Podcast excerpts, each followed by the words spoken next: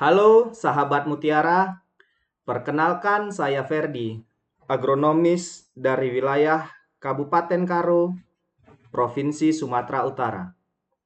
Apakah Anda pernah menanam wortel namun saat panen hasilnya kurang bagus? Wortelnya pecah umbinya? Sudah pasti kalau hasil seperti itu membuat wortel tidak layak jual. Pada video podcast episode ini, saya akan membahas tentang apa sih penyebab munculnya pecah umbi pada tanaman wortel Anda. Terus, bagaimana caranya agar hasil panennya bagus? Yuk, simak video podcast ini sampai selesai.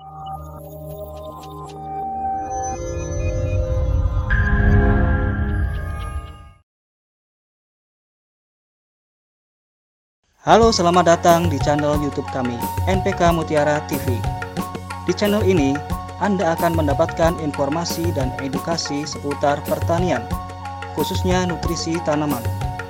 Tonton video-video kami, jangan lupa like video kami, subscribe, dan pentung tanda loncengnya untuk terus mendapat update dari kami. Sahabat Mutiara, berikut adalah Materi pentingnya kalsium pada tanaman wortel. Sejarah perkembangan wortel. Wortel berasal dari Asia Tengah. Berbagai catatan sejarah menyebutkan wortel sudah dikenal orang sejak abad ke-1 Masehi.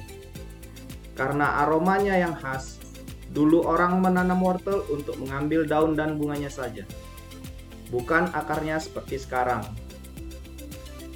Secara garis besar, para ahli botani mengelompokkan wortel ke dalam dua kategori.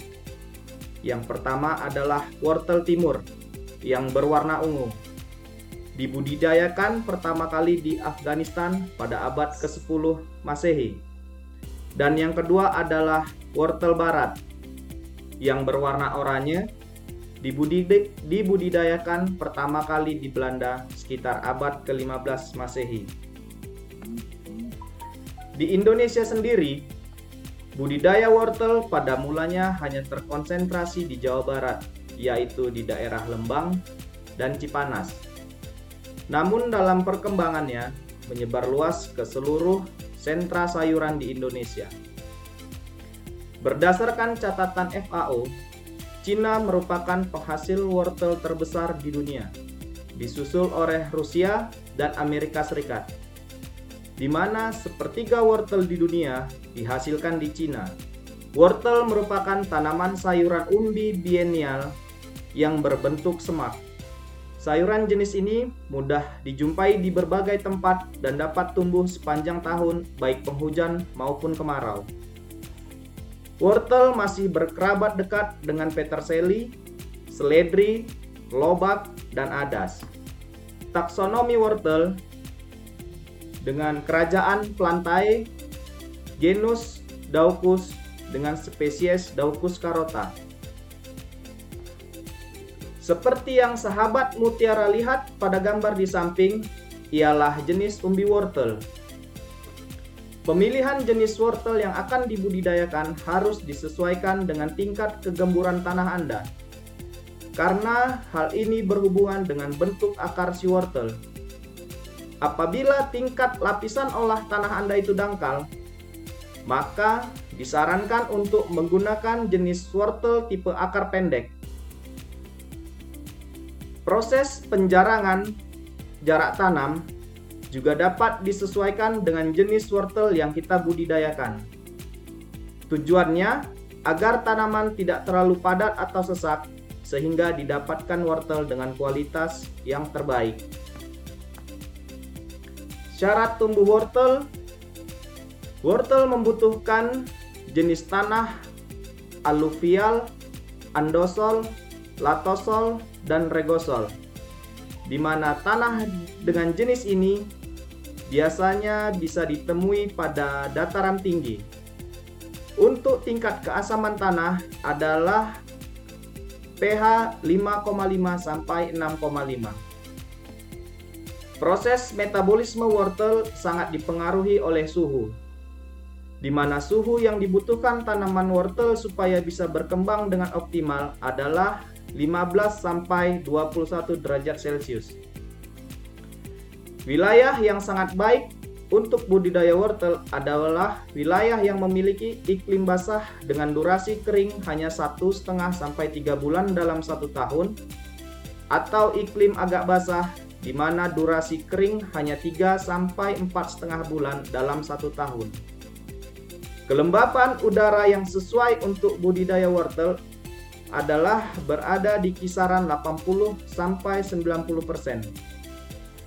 Usahakan tanaman wortel Anda mendapatkan cahaya matahari selama 9 sampai 10 jam setiap harinya supaya mendapatkan pertumbuhan yang optimal. Nah, berikut adalah penyebab mengapa umbi wortel pecah. Munculnya pecah umbi atau cracking disebabkan beberapa hal berikut. Yang pertama yaitu aplikasi pupuk nitrogen yang berlebihan. Yang kedua, faktor genetik yaitu kultivar peka atau mudah pecah. Yang ketiga, hidrasi umbi yang kemudian tiba-tiba mendapatkan kondisi kecukupan air sehingga umbi wortel menyerap air berlebihan, dan daya tampung sel terlampaui. Yang keempat, kekurangan unsur kalsium. Yang kelima, tekstur tanah cenderung padat dengan sedikit fraksi pasir. Kenapa kalsium dapat mengurangi cracking?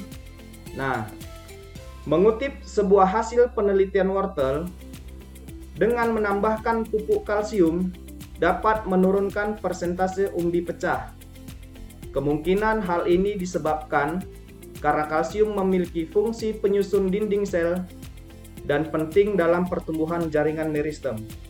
Adanya kalsium maka mengakibatkan dinding sel umbi lebih kuat terhadap peningkatan penyerapan air dan kalsium juga mencegah terjadinya kegagalan perkembangan jaringan pertumbuhan tanaman.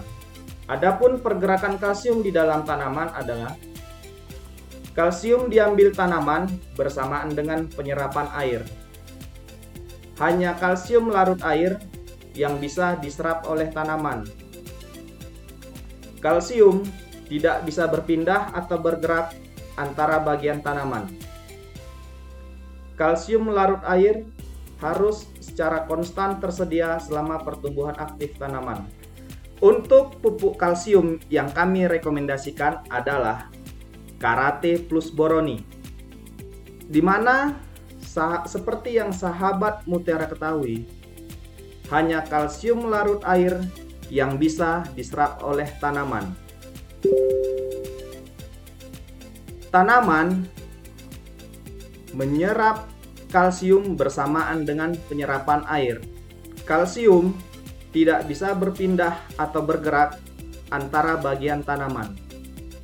Dan Kalsium larut air harus secara konstan tersedia selama pertumbuhan aktif tanaman.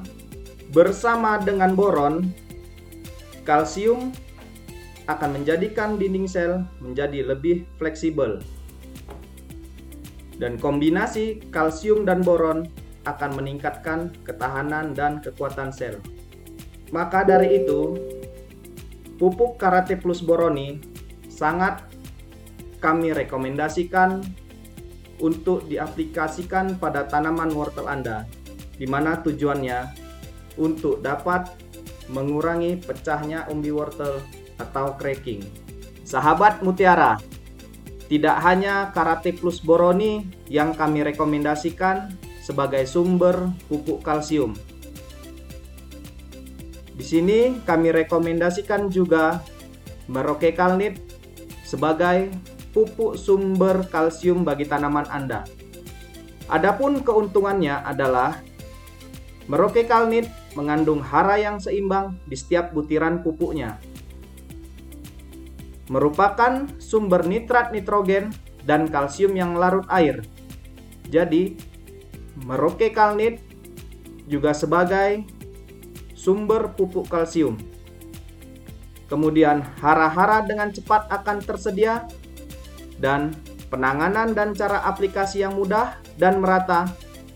karena merokok kalnit dapat diaplikasikan secara foliar atau semprot pada daun tanaman. Adapun spesifikasinya, sahabat mutiara, inilah program pemupukan wortel kami, di mana selama satu periode tanam dilakukan dua kali aplikasi, yaitu pemupukan dasar dan pemupukan susulan pada usia 30 sampai 45 HST. Dari program pemupukan ini dapat terlihat bahwa karate plus boroni ini diberikan pada usia tanaman 30 sampai 45 hari dengan dosis 50 kg per hektar dengan cara ditabur. Selain karate plus boroni, untuk pupuk kalsium, kami juga ada meroke kalnit yang diberikan pada fase vegetatif dan generatif dengan dosis 2 gram per liter yang diberikan dengan cara disemprot ke daun. Jadi, sahabat mutiara, ada dua pupuk kalsium yang kami rekomendasikan, yaitu Karate Plus Boroni dan Merauke Kalnit.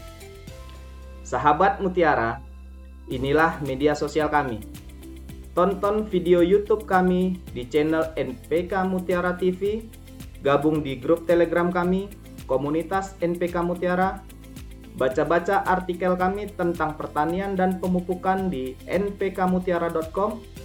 Untuk update kegiatan dan informasi-informasi edukasi lainnya, juga bisa di Instagram dan Facebook Merauke Tetap Jaya. Terima kasih.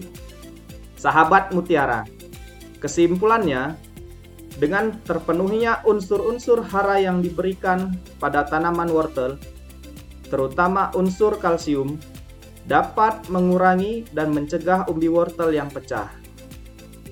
Sahabat Mutiara, jika video podcast ini dirasa bermanfaat, bagikan video ini sebanyak-banyaknya di media sosial Anda, supaya menjadi motivasi kami ke depannya untuk memproduksi lebih banyak lagi video edukasi. Jangan lupa like video ini, subscribe channel NPK Mutiara, dan pentung tanda loncengnya agar sahabat Mutiara tidak ketinggalan video-video edukasi kami lainnya. Stay healthy, jaga jarak, dan selalu pakai masker. Salam Mutiara.